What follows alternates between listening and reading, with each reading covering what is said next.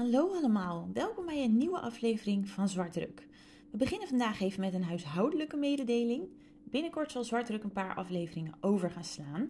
Enerzijds omdat ik eventjes de focus volledig op de studie moet gaan leggen. En anderzijds omdat ik wat plannen heb met Zwartdruk voor een nieuw jasje en dat soort dingetjes. En die plannen die zijn er al een tijdje, maar ze komen maar niet tot uitvoer. En dat wil ik in die tijd gaan doen. Het is dus niet een zomerstop of een stop van de podcast, in tegendeel. Maar soms heb je eventjes zo'n keus te maken. Blijf dus wel vooral geabonneerd, want dan hoor je het ook weer als eerste als er nieuwe afleveringen komen. En het mailadres blijft ook gewoon actief bijgehouden, dus contact zoeken kan altijd. En verzoekjes insturen kan natuurlijk ook altijd. Er komen vanaf nu nog een paar afleveringen. Dat zijn ook afleveringen met zaken die nou, als verzoekje zijn ingediend. Zelf zou ik het echt super irritant vinden als het dan anderhalf jaar duurt voordat je die terug hoort. Dus die gaan we zeker nog doen. Maar verzoekjes die vanaf deze aflevering worden ingestuurd, die gaan dan weer mee in de volgende ronde. Maar ze komen. Dat kan ik je beloven. Over suggesties en verzoekjes gesproken. De zaak van vandaag was ook een verzoek en wel van Rocco. Dankjewel Rocco, het is inderdaad een bizarre zaak. En de zaak waar ik het dan over heb, is die van de West Memphis Tree. En ik durf te wedden dat jij al een donkergrijs vermoeden hebt van waar we dan voor de zaak van vandaag naartoe gaan. Yep, naar West Memphis. Dat ligt in Arkansas en dat is weer in Amerika. En we gaan daarheen in het jaar 1993. Het is een warme zonnige dag in mei. Het is 5 mei. En sommige volwassenen liggen dan van pampus op de bank. Maar de hoofdrolspelers van vandaag, die niet. Het zijn drie jochies van 8 jaar en ze stappen op de fiets om eens eventjes lekker samen wat wind te gaan vangen. Het eerste jongetje heet Steven Branch. Hij is geboren op 26 november 1984 en hij staat bekend als een actief jongetje dat heel graag met zijn vriendjes speelde. Nou, een van die twee vriendjes die dus ook mee is, ja, die heet Michael Moore. Hij werd geboren op 24 november 1984 en stond dan weer bekend als een erg leuk en energiek jongetje. En het derde vriendje, dus het derde jongetje dat meeging op de fiets, dat is Christopher Byers. Hij is geboren op 23 september 1984 en hij staat juist weer bekend als een heel nieuwsgierig manneke. Lekker stel zo met z'n drietjes, denk ik. Lekker op pad, lekker fietsen, lekker ravotten. Een warme, leuke dag. Het is al een beetje lekker lang licht. Een dag als elk ander, want ze doen het wel vaker. Behalve, het werd een dag als geen ander. Die jongens die hadden waarschijnlijk misschien op school al afgesproken om nog eventjes s'avonds op pad te gaan. En ze moesten dan ongeveer rond een uur of acht thuis zijn. Maar de ouders van Christophe, Melissa en John Mark Byers, ja, misschien hadden ze het op school afgesproken dat ze nog eventjes de hort op gingen. Maar ze waren dus s'avonds samengekomen na het eten en ze waren lekker op pad gegaan. En de afspraak is dan, en die verschilt per huishouden een beetje, maar de afspraak is dan dat ze in ieder geval rond een uur of acht allemaal thuis zouden zijn. En het wordt acht uur, maar de ouders van Christopher, en zij heten Melissa en John Mark Byers, die merken op dat hij er nog niet is. Ja, er wordt wat gebeld, wat rondgevraagd, want ja, zover kon hij helemaal niet zijn natuurlijk. Melissa had hem zelfs rond half zes nog gezien. Ze was toen in de tuin bezig. Maar ze horen maar niks van Christopher. En ze zien hem niet en ze vinden hem ook niet. Dus zij bellen nog diezelfde avond de politie. Ze zijn trouwens pas de eerste die bellen, want binnen anderhalf uur na dat telefoontje hebben ook de ouders van Steven en Michael gebeld om hun zonen als vermist op te geven. Christopher was dus rond half zes nog gezien. De ouders van Michael die hebben hem rond zes uur nog gezien. Toen waren ze dus echt op de fiets gestapt met z'n drietjes. En de ouders van Steven vertelden dat ze hem sinds zijn school, dus sinds een uur of drie, niet meer hadden gezien. Dus het verschilde in iedere situatie een beetje, maar de uitkomst is: geen van de drie jongens is op tijd thuisgekomen.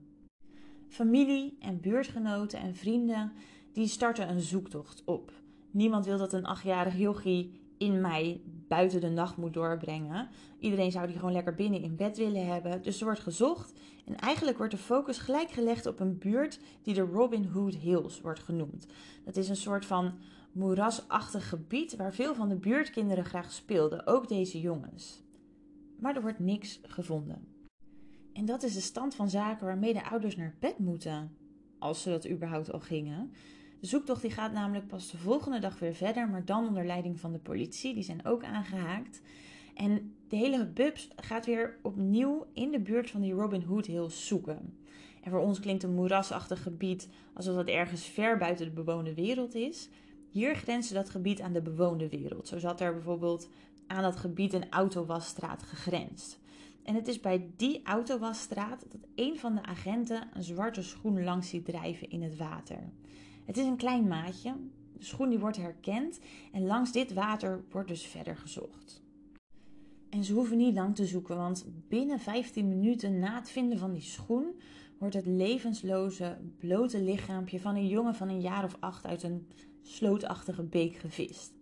En binnen het uur daarna worden er ook nog twee andere lichaampjes gevonden. In totaal zijn dat dus drie lichamen, levensloze lichamen, die bloot zijn. Hun handen en voeten zijn vastgebonden met veters. Dus dat is niet dat je denkt, het is een ongeluk. Nee. Ja, het gebied was inmiddels helemaal afgezet, gelijk naar de vondst van het eerste lichaampje al. En iedereen die niet van de politie is, die moet buiten dat afgezette gebied wachten. Die lichamen ja, die zijn niet officieel geïdentificeerd. Maar als de politie richting de menigte loopt en vertelt dat er drie lichamen van jongetjes zijn gevonden, ja, dan stort de wereld van, van iedereen die daar staat, maar met name van de ouders, ja, die stort gewoon compleet in elkaar. Doordat die handen en voeten vast zaten gebonden, was het al heel snel duidelijk dat dit dus niet een stom ongeluk of dikke pech was. Hier was gewoon echt opzet in het spel. En de andere verwondingen die bij de jongens worden gevonden, die bevestigen dat alleen maar. Ja, inmiddels zijn de jongetjes dus geïdentificeerd. En nou, er wordt ook een autopsie op hun gepleegd.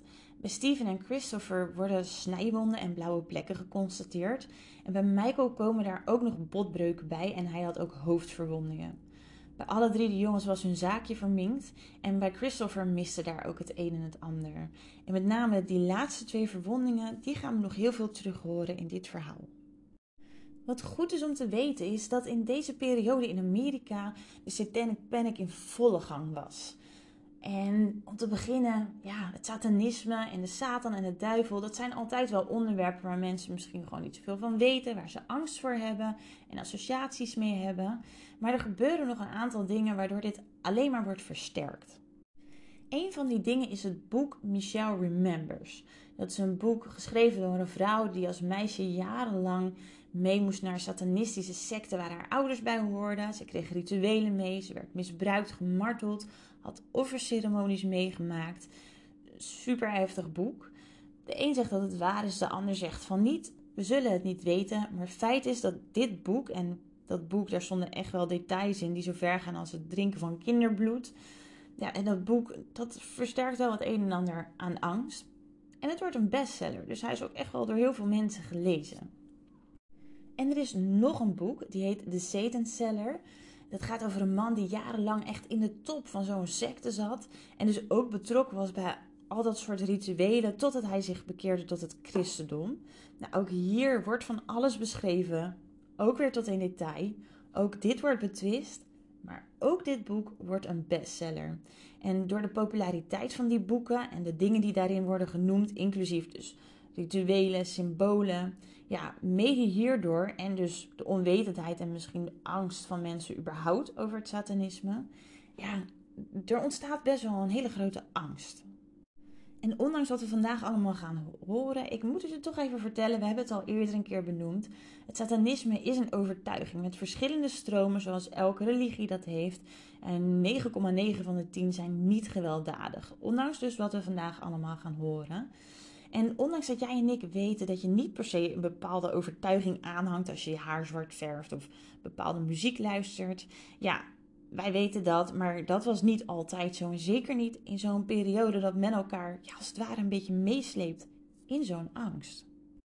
Nee, nee, van black metal, mannen met zwarte nagellak, mensen dus met zwart geverfde haren, bepaalde tatoeages, misschien iemand die wat meer op zichzelf is of een combinatie daarvan.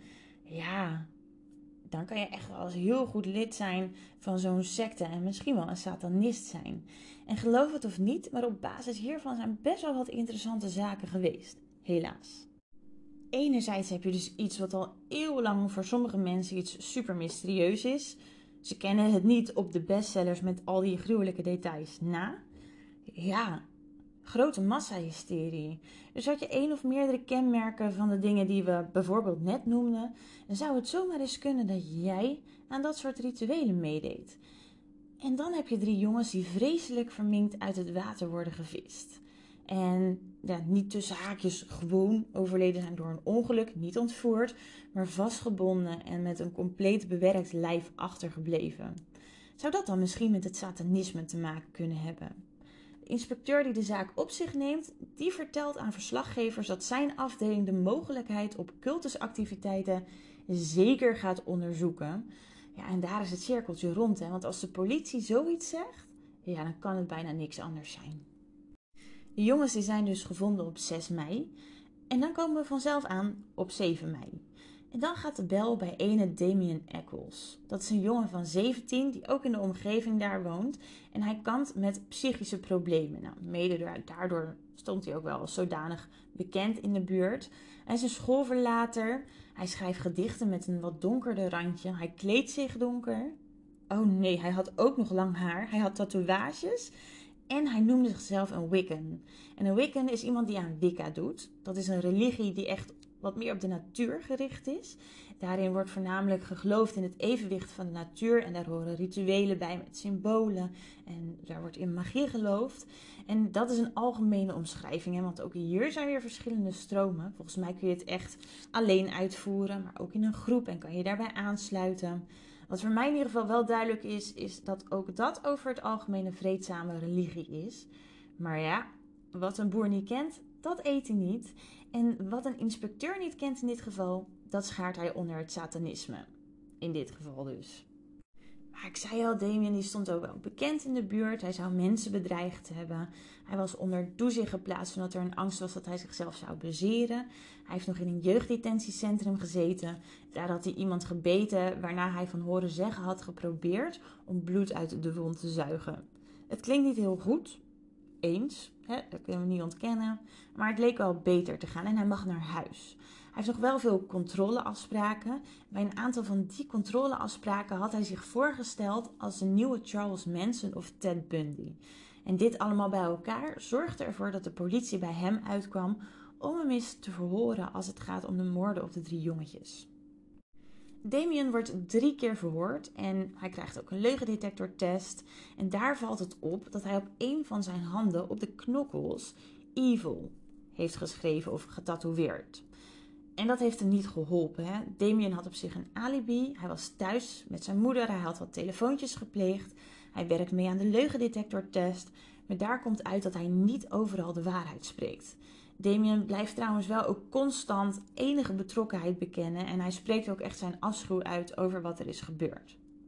Maar dan, ineens bedenkt de politie dat zij een jongen kennen, toevallig een vriend van Damien, die ook Evil op zijn knokkels getatoeëerd heeft staan. En die vriend heet Jason Baldwin, die is ook 16 of 17. Hij wordt ook binnengebracht, maar ook hij blijft ontkennen. Er is dus geen hard bewijs en het onderzoek loopt een beetje vast. Ondanks dat de politie wel echt een bepaalde richting heeft waar ze in denken. Maar ja, net als zij eigenlijk niet echt meer verder kunnen met wat ze hebben, dan gaat de telefoon. Ze nemen op en zij hebben dan Vicky Hutchison aan de lijn. Dat is een dame die werkt lokaal ook in West Memphis als serveerster en zij spreekt een vermoeden uit. Zij heeft zelf een kind en er is een buurjongen die daar wel eens op past. En de buurjongen is een 17-jarige jongen die Jesse Miskelly heet. Hij heeft een licht verstandelijke beperking. Ondanks haar vermoeden hadden ze dus wel oké contact. Hij paste op, hielp haar wel eens in de tuin. En hij had haar blijkbaar een keer verteld over een van zijn vrienden die bloed had gedronken. En die vriend, ja, die was Damien. Nog een vermoeden dus. Maar vermoedens zijn niet genoeg om een arrestatie te verrichten, zou je denken. Dus Vicky die heeft het idee om iets meer met Jessie op te trekken om zo voor de politie in het wereldje van de jongens te duiken en meer te weten te komen over die rituelen die ze uitvoeren. Nou, de politie die denkt, joh, als jij dat zo voorstelt, dan vinden wij dat prima. Dus Vicky die fietst zichzelf zo een beetje bij Jessie naar binnen en ze vertelt dat ze wel interesse heeft om Damien beter te leren kennen. En zo komt het dat Vicky wordt voorgesteld aan Damien via Jessie. En de politie heeft geluk, want Vicky levert. Ze vertelt aan de politie dat de ontmoeting op 19 mei heeft plaatsgevonden. En Jesse en Vicky die worden opgehaald in de rode auto van Damien. En ze gaan rijden. En ze rijden niet zomaar een rondje. Nee, ze rijden naar een bijeenkomst van heksen buiten de stad in een veld. daar zouden dus in totaal met 10 tot 12 mensen zijn. Deze mensen hadden hun armen en gezichten donker gemaakt met iets van modder of sminkt. Ze waren allemaal naakt en ze deden sexy dingen met elkaar, een orgie. Vicky was hier niet echt heel erg van gediend. En ze vroeg of Damien haar thuis wilde brengen. Nou, Damien ging dus met haar terug. Jessie die bleef wel in dat veld. Als kers op de taart bevestigt de zoon van Vicky, die ook acht jaar was en bevriend was met de jongens, die bevestigt dat hij ook regelmatig naar de Robin Hood Hills ging en dat hij daar dan een aantal mannen had gezien, een stuk of vijf met enige regelmaat. Die zaten dan in een kring, die deden ook sexy dingen met elkaar. En ja, dat is wel uh, opvallend in deze situatie. Het is 2 juni als in ieder geval Vicky ook een leugendetectortest moet doen en daaruit komt dat zij onomstotelijk de waarheid spreekt. De inspecteur die op de zaak zit, die zegt say no more. En Jesse wordt op 3 juni opgepakt. En herinner je eventjes, Jesse zou daar qua verstandelijke leeftijd misschien niet alleen mogen zitten, maar dat zit hij wel. En lang, want hij wordt erg lang ondervraagd en ook flink stevig. Hij krijgt een leugendetectortest en die zegt dat hij over alles liegt. En als hij dat blijft ontkennen en de politie niet verder komt, dan gooien zij iets anders in de strijd. Er ligt namelijk tipgeld van 35.000 dollar voor tips die bijdragen aan de veroordeling van de moordenaar of moordenaars van de jongens. En als Jesse dan informatie aan de politie zou geven, ook als hij het zelf was geweest, dan zou dit geld naar zijn familie gaan. Nou, je hoort het al, behoorlijk wat pressiemiddelen. En uiteindelijk, waarschijnlijk als Jesse doodmoe is, dan bekent hij dat hij de moord heeft gepleegd. Maar niet alleen. Hij was niet alleen. Hij heeft dit samen gedaan met Damien en Jason. Jesse die legt best wel een uh, uitgebreide verklaring af. Er is alleen een probleem. Uh, in die verklaring klopt echt een hele hoop niet als je kijkt naar wat er echt is gebeurd. Denk bijvoorbeeld aan dat Jesse vertelt dat de moorden in de nacht zijn gepleegd. Dat was niet zo, het was in de avond. Jesse zei dat de jongens met touw zaten vastgebonden, maar het was met veters. Maar goed, eh, ze sleutelen wat aan dat verhaal. Jesse die ja, moet eigenlijk opnieuw en opnieuw en opnieuw die bekentenis afleggen. En ongeveer als dat verhaal een beetje klopt, dan nou, is die bekentenis klaar en wordt die ondertekend. En die ging ongeveer zo. Jesse was dus op de betreffende dag met Jason en Damien naar die Robin Hood Hills gegaan. Daar kwamen ze de drie jongetjes tegen en ineens ziet Jesse dat Damien een van de jongens slaat. Daar schrikt Jesse van, maar hij kijkt dus snel de andere kant op en daar ziet hij dat Jason een ander jongetje aan het mishandelen is. Er is nog een derde jongetje, maar die rent weg. Dus Jesse die gaat daar zelf snel achteraan. Hij pakt hem vast en hij draagt hem over aan Damien en Jason. Hij is toen zelf weggegaan, Jesse. Maar even later kwam hij toch weer terug en toen zag hij de drie jongens vastgebonden zitten zonder kleren aan. Damien en Jason betasten de jongetjes en beginnen in hen te snijden. En Jesse die besloot toen definitief weg te rennen. Hij rent naar huis. Damien en Jason hadden hem later nog wel gebeld om te vragen waarom hij nou niet was gebleven. Ja, en dus was de zaak compleet. Er wordt een arrestatiebevel uitgevaardigd, een huiszoekingsbevel. En nog diezelfde avond op 3 juni zitten alle drie de jongens, en met jongens bedoel ik in dit geval Damien, Jason en Jesse, zitten alle drie diezelfde dag nog op het bureau, aangeklaagd voor moord met voorbedachte raden. Dit was een zaak die door de omvang en door die satanic panic ook in de media echt een immense vorm had aangenomen. En daarom is er ook nog diezelfde avond een persconferentie. Aan de inspecteur wordt dan gevraagd, op een schaal van 1 tot 10, hoeveel vertrouwen hij heeft in een oplossing en veroordeling in deze zaak. En de inspecteur die antwoordt vol zelfvertrouwen. Een 11. En dan gebeurt er iets wat die 11 misschien wel een 12 maakt, want er komt nog een verklaring. Aaron, de zoon van Vicky, die praat nog een keertje met de politie. Nou, hij geeft aan dat hij de avond voor de moorden door Jesse is gebeld. Die vroeg hem van, joh, zullen wij iets gaan doen met jouw vrienden? Dus wij drie, jullie vier hè, met die jongens. Um, dan gaan we naar het bos en dan gaan we gewoon iets doen. Gaan we een leuk middagje besteden.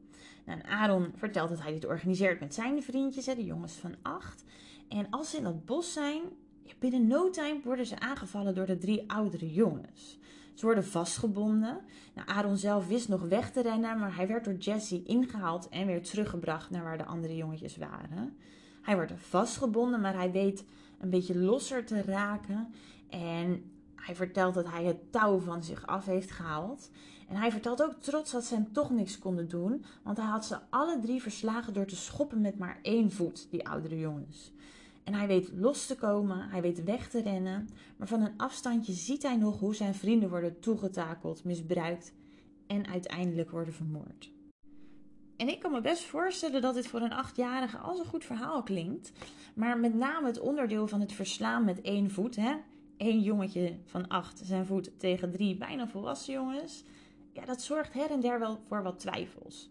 Maar niet bij de politie, want voor hen was dit een dikke, dikke, vette ooggetuigenverklaring. De politie lijkt te denken: inpakken en wegwezen. En begin augustus van hetzelfde jaar nog vindt er een soort van hoorzitting plaats. Daar wordt besloten dat Jesse apart moet voorkomen. Het komt ehm, vanwege zijn verklaringen, bekentenissen en het proberen in te trekken daarvan trouwens. Maar ook van de beschuldigingen die hij uit aan het adres van de politie dat ze hem niet geloofd hebben toen hij de waarheid vertelde. Wel wordt besloten dat ook alle drie de jongens als volwassenen worden berecht in plaats van minderjarigen. In Amerika werken ze bij dit soort zaken met een jury. Dus in januari van 1994 wordt die jury samengesteld. En zij krijgen direct al een disclaimer. De staat vertelt namelijk dat ze in de verklaring van Jesse een hoop fouten en niet kloppende dingen zouden aantreffen. Maar dat komt doordat hij niet het echte verhaal zou vertellen. Niet omdat het echte verhaal niet waar is of niks met de moorden te maken heeft, maar omdat hij daarin zijn eigen rol kleiner zou willen houden.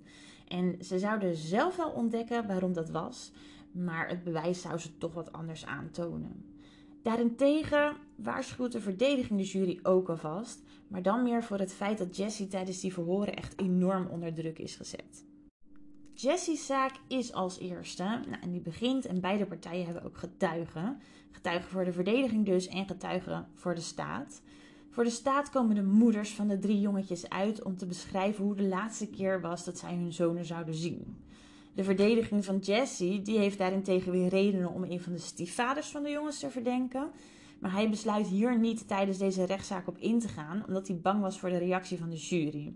het gaat hier om drie dode kinderen.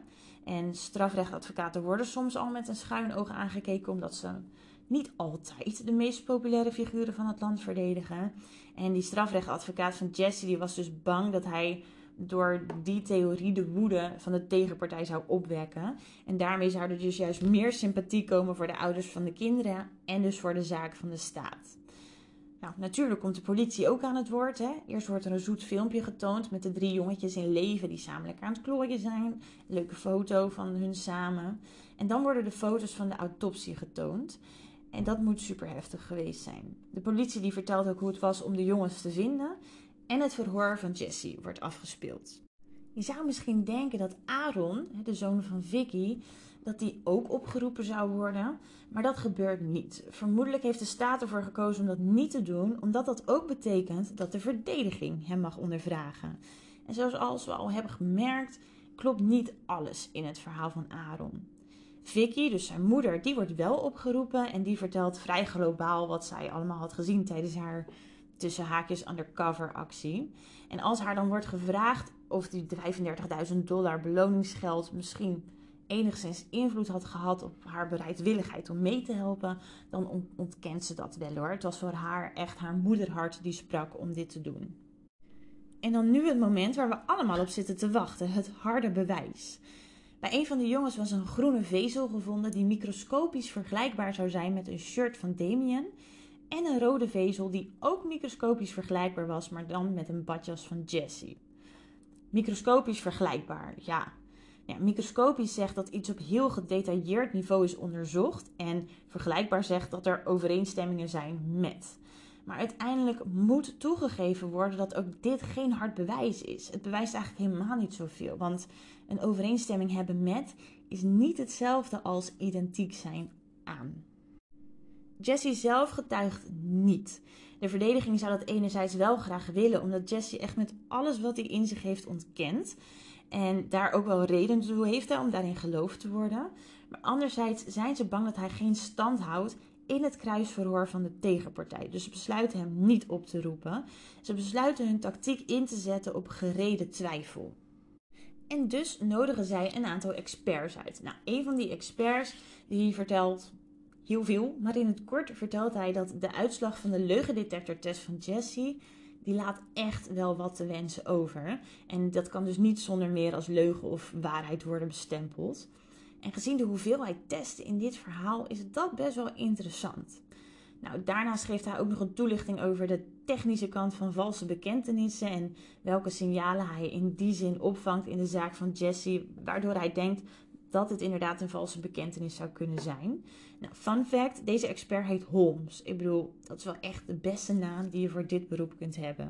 En die heeft trouwens ook meegewerkt aan heel bekende zaken zoals Watergate. Er komt ook nog een andere expert langs en die belicht dan weer de psychologische kant van, van valse bekentenissen en hoe iemand hoe die weggaat totdat iemand een valse bekentenis aflegt. Nou, lang verhaal kort. In de zaak van Jesse hebben beide partijen echt hun stinkende best gedaan. En de spanning is om te snijden als ze de volgende dag een vonnis krijgen.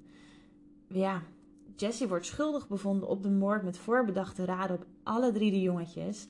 En hij krijgt levenslang zonder kans op vervroegde vrijlating. En dan zijn er twee anderen aan de beurt, hè? Jason en Damien. Hun zaak is wel voor hun samen en die is ongeveer een week of twee nadat Jesse is veroordeeld.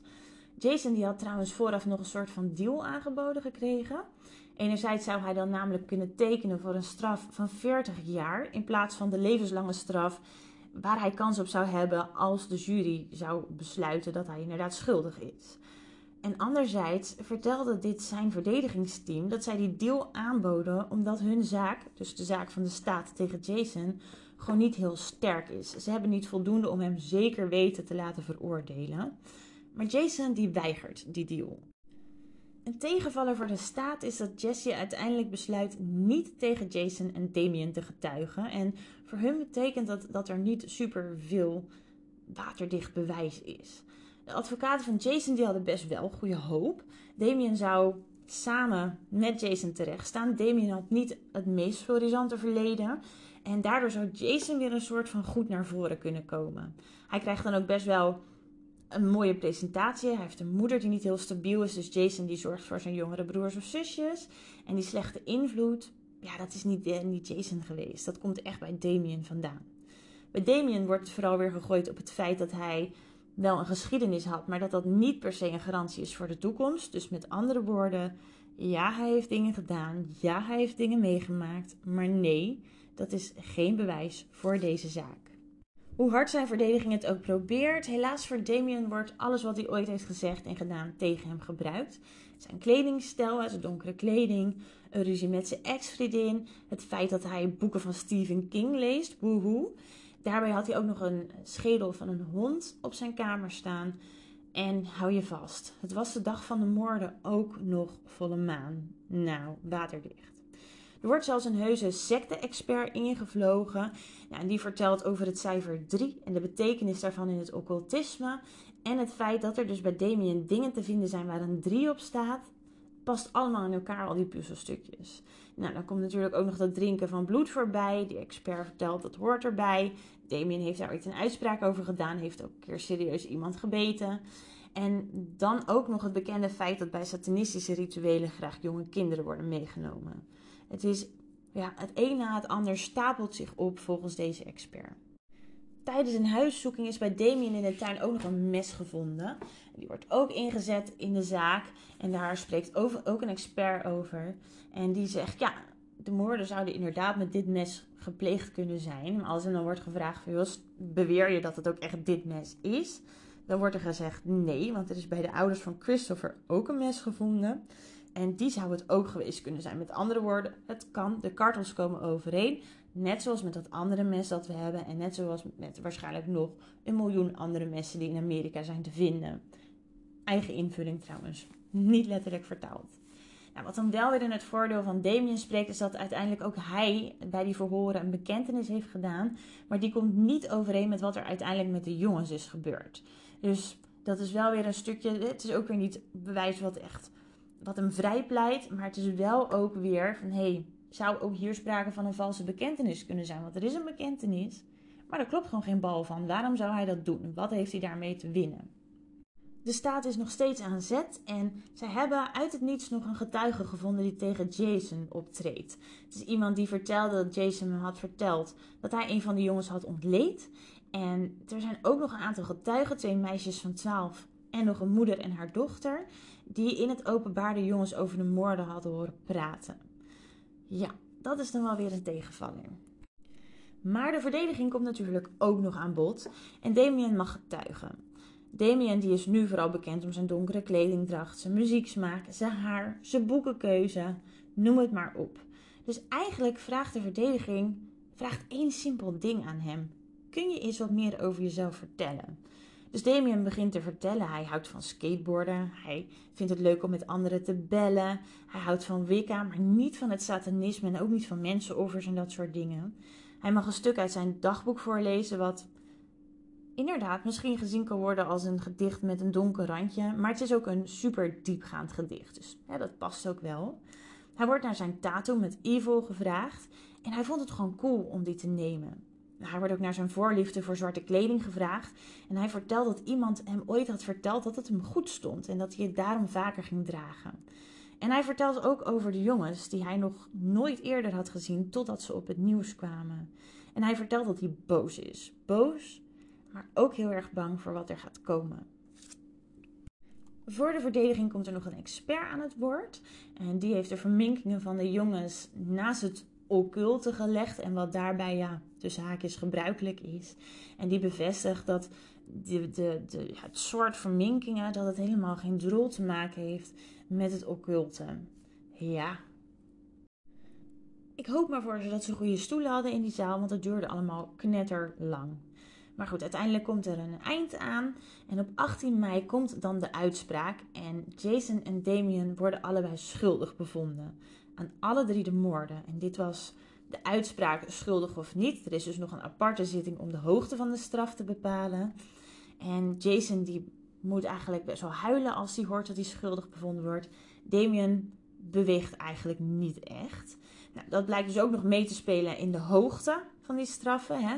Jason is natuurlijk nog best wel een soort van oké neergezet. Hij gaat naar school, hij is zorgzaam, hij toonde berouw, hij helde toen hij zijn straf hoorde. Hij krijgt een levenslange straf zonder kans op voorwaardelijke vrijlating. Ja, Damien die toonde dus niet echt emotie. En dat was ook nog een volgeling van Satan. Hij loog, hij had een duistere geschiedenis.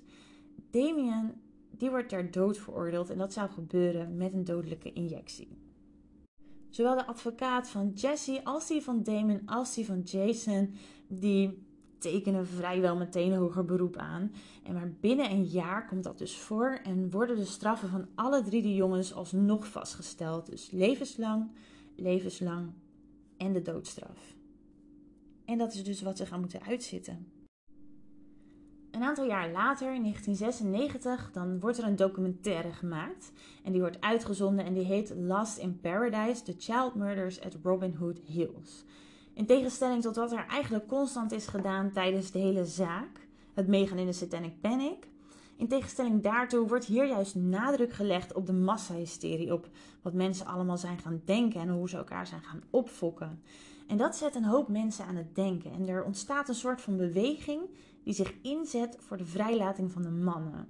Fun fact, een van de dames die meewerkte aan die documentaire, die is drie jaar later met Damien getrouwd. In 2000 komt er ook nog een film uit over de zaak, Last in Paradise 2 Revelations. En in plaats van op de veroordeelde jongens door te borduren, wordt hier gekeken naar een verdenking die we al eerder voorbij hebben horen komen. Eerder dacht iemand dat een van de vaders of stiefvaderen het had gedaan. Toen ging dat uh, over Terry Hobbs, de stiefvader van Steven. Nu zou het gaan over John Mark Byers. Er wordt ook een boek geschreven over deze theorie en steeds meer en meer mensen beginnen te denken van ja, er zou hier wel eens sprake kunnen zijn van een flinke gerechtelijke dwaling. Maar er is meer. In 2003 treedt Vicky naar buiten. Vicky, de dame die undercover was geweest, zo gezegd. En zij vertelt dat ze zich destijds verplicht had gevoeld om mee te werken met de politie omwille van het al dan niet uit huis plaatsen van haar zoon. Maar eigenlijk was dus alles wat ze had verteld een leugen, waarmee dus ook alle andere leugendetectors in deze zaak opnieuw betwijfeld kunnen worden. al met al, alles bij elkaar, wordt er dus een steeds groter wordende beweging, of in ieder geval gedachtegoed. En in 2007 wordt waar mogelijk is nog DNA afgenomen. En nergens blijkt het DNA van een van de veroordeelde, ja, inmiddels mannen, naar voren te komen. Die dan dus wel al ruim 10 jaar vastzitten. Hè? Er werd wel iets anders interessants gevonden trouwens. De jongens waren met veters vastgebonden en tussen de knoop van een van die veters werd een haar gevonden die niet per se alleen overeenkwam met het haar van de stiefvader van Stevie, dus Terry Hobbs. Um, dus geen hard bewijs dat hij schuldig is, maar het zou wel overeen kunnen komen met zijn haar. Ik geloof dat het was een haar die met anderhalf procent van de Amerikaanse bevolking overeen zou kunnen komen. Maar ja, het ontbreken van DNA is natuurlijk wel weer iets wat bijdraagt aan het vermoeden van een valse beschuldiging. Um, maar het, het, is niet dat ze kunnen zeggen: jou pakken we wel op, we kunnen de rest laten gaan. Maar het is dus wel iets wat bevestigt van hé, hey, het kan niet als je, als je aan jongens hebt gezeten, je hebt ze uitgekleed, je hebt ze aangeraakt, dan kan het niet dat er nergens DNA zit. Dus zelfs een van de vaders van de jongens, niet Terry Hobbs, die geeft aan te twijfelen over hun schuld. Een van de vaders dus wel, het gerechtshof niet. Dit is voor hen niet voldoende voor een nieuwe zaak. Maar de advocaten van Jason en Damien en Jesse die tekenen beroep aan. En jawel, de aanklagers krijgen de schrik van hun leven. Zij krijgen namelijk nieuws dat de zaak herzien wordt op basis van gedrag van de jury destijds, maar zeker ook op basis van het DNA-onderzoek. Voor hen dus een hoop werk waar ze vanaf dachten te zijn, maar voor de mannen en hun advocaat en hun geliefde is dit onwijs hoopgevend nieuws. Die aanklagers die zagen een nieuwe zaak niet echt zitten en zij doen dus een aanbod. Als alle drie de mannen een Alfred plea zouden tekenen, dan zouden ze vrijkomen. Alle drie moeten ze die tekenen. Als één niet tekent, is de hele deal van tafel. Die Alfred plea die houdt eigenlijk in dat je zegt dat je onschuldig bent. Je bekent dus niet, maar je erkent wel dat er voldoende bewijs is om je te veroordelen. Jesse en Damien, die hoeft hier niet geen lang over na te denken. Jason wel. Hij had inmiddels een soort van wereldje opgebouwd waar hij wel oké mee was in de gevangenis. Hij had vrienden gemaakt, had een baan gekregen. Hij had het er, ja, misschien gek gezegd, ook wel een soort van naar zijn zin. En bovenal had hij ook beloofd geen enkele millimeter meer mee te werken met de aanklagers die er überhaupt voor hadden gezorgd dat hij op die plek terecht kwam. Dus dat is voor de andere heren heel erg spannend. Maar uiteindelijk tekent ook Jason. Niet eens zozeer voor zichzelf, vertelt hij later, maar vooral voor de anderen. En zo komt het dat alle drie de mannen na ongeveer 18 jaar onterecht in de gevangenis vrijkomen. Daarmee hebben we dus vraag 1 beantwoord. Waren ze nou schuldig, de ja of de nee? Het antwoord is nee, die kunnen we afstrepen. Maar dan komt er een tweede hele grote vraag. Wie was het dan wel? We hebben al twee keer eerder een theorie voorbij horen komen waarbij naar een van de vaders of stiefvaders wordt verwezen. En in 2012 lijkt er opnieuw een hele theorie en beweging op waar ook hier weer naar gekeken wordt. We komen dan weer uit op Terry Hobbs, de stiefvader van Steven. We hebben inmiddels die haar die aan hem gekoppeld zou kunnen worden, maar die geen bikkelhard bewijs is. Maar inmiddels is er nog een andere haar gevonden in de buurt van, van de jongens. Hè. Die hebben ze denk ik, bewaard. Het lijkt me niet dat die er na zoveel jaar nog lag. En die haar is van een van de vrienden van Terry Hobbs. En daarbij heeft hij wel eens vaker wat zaken uitgevroten in de categorieën mishandeling, misbruik en kindermishandeling. Een van de mensen die wel aan deze theorie zou kunnen geloven is een documentairemaker. Hij interviewt de tante van Terry Hobbs en zij vertelt hem dat zij Terry Hobbs op de avond van de moorden buiten een wasje had zien doen. Daarbij komt dat Terry het zakmes bij zich had, wat eigenlijk Steven zelf altijd bij zich droeg. Het was ook van hem. En een van de neefjes van Terry Hobbs zou uit de school zijn geklapt en iemand hebben verteld dat de moorden op de drie jongens door Terry Hobbs het best bewaarde familiegeheim zou zijn. Ja, daarbij zou hij ook nog op jongere jongens vallen en ook daadwerkelijk met jongere jongens gezien worden in een houding die niet zou moeten tussen een volwassene en een kind. En via, via, via komt er ook nog een ander verhaal naar voren. Die stamt trouwens al uit 1995, maar er is eigenlijk nooit wat mee gedaan. Het is dus zo dat iemand had gehoord dat Terry en een vriend op weg zouden zijn om drugs te verkopen. Dat is gelukt. Ze rijden een rondje. Ze hebben dat drugs verkocht ook aan een aantal jongere jongens. Die zijn inmiddels stoned. Die rijden mee, hè, die rondjes. En ze stoppen bij de Robin Hood Hills en ze gaan met elkaar worstelen. En we mogen hier, in ieder geval op basis van wat ik heb gelezen, denk ik de aanname doen dat, dat worstelen betekende dat er sexy dingen in de buitenlucht gebeurden. Terwijl dit gebeurde, fietsten er drie kleine jongens langs. Juist de drie kleine jongens. Dat zorgde voor paniek bij Terry en hij kreeg een van de jongens te pakken. En hij takelde die jongen toe, zoals we besproken hebben, de verbondingen. Nou, naar aanleiding daarvan, ja, die andere twee jongens hebben dat gezien. Dus ze moeten alle drie dood. En dit verhaal komt niet alleen via, via, via deze persoon naar voren, maar ook iemand die er dus wel zelf echt wel dichterbij gestaan zou hebben. En inmiddels kan zelfs de ex-vrouw van Terry Hobbs, inmiddels ex-vrouw, de moeder van Stevie, ehm, die kan dit verhaal ondersteunen. Die gelooft dit ook wel. Destijds is ook geprobeerd dit verhaal bij de politie aan hun verstand te brengen. Maar degene die had gebeld, die kreeg geen inspecteur aan de lijn. Ze waren er niet en ze hebben ook nooit de moeite genomen om terug te bellen. En heel eerlijk, met wat we het afgelopen half uur hebben besproken, is in dit verhaal eigenlijk niks meer gek. Dus enerzijds zou dit een plausibel verhaal kunnen zijn. En aan de andere kant hebben we dus ook net een half uur geluisterd naar hoe drie jongens 18 jaar in de cel hebben gezeten, 18 jaar van hun leven kwijt zijn geraakt door vooroordelen en wangedachten en praatjes van anderen. Dus ook hier zitten dan denk ik wat mij betreft twee kanten aan. Hoe dan ook, die kleine jongetjes op die fietsies, die lekker gewoon eventjes gingen ravotten buiten, die krijgen we niet meer terug. En we kunnen ook niet veranderen hoe vreselijk die laatste momenten van hun korte leventjes zijn geweest. Dat is en blijft het meest trieste aan dit verhaal en daar is gewoon niks moois van te maken. Toch gaan we enigszins proberen af te ronden. En dat gaan we doen door jullie mee te nemen in hoe Jason en Damien en Jesse nu leven. Damien is nog steeds met dezelfde vrouw getrouwd. Best wel tof, hè? Dat was die dame van die documentaire. Hij doet vette dingen. Hij gaat uh, paraglijden. Hij is bevriend met Johnny Depp. En hij staat bekend als een super liefdevol persoon. Het is eigenlijk alles als hoe hij eerder niet werd omschreven. En hij geeft aan van, nou, doet echt wel veel zeer om terug te denken aan mijn situatie en aan die verloren jaren. En toch haalt hij het elke keer weer boven. En dat doet hij eigenlijk met als doel om zijn eer terug te krijgen, zijn naam te zuiveren en ervoor te zorgen dat zijn verhaal bekend is, zodat dit, wat hem is overkomen, niet meer gebeurt. Jesse heeft zijn leven ook weer kunnen oppakken. Hij leeft wat meer low profile. Niet per se slecht, maar hij kiest voor de rust. Hij woont trouwens wel ook nog steeds in West Memphis. Jason heeft meegeholpen aan een film over de zaak, The Devil's Nut. Hij heeft ook zijn leven helemaal opgepakt. Hij heeft zich aangesloten bij, ik geloof, een organisatie die zich inzet voor vals beschuldigden. En hij wil een rechtenstudie gaan doen om die mensen nog beter te kunnen helpen. En dat zijn de West Memphis Three, hè? Jesse, Damien en Jason.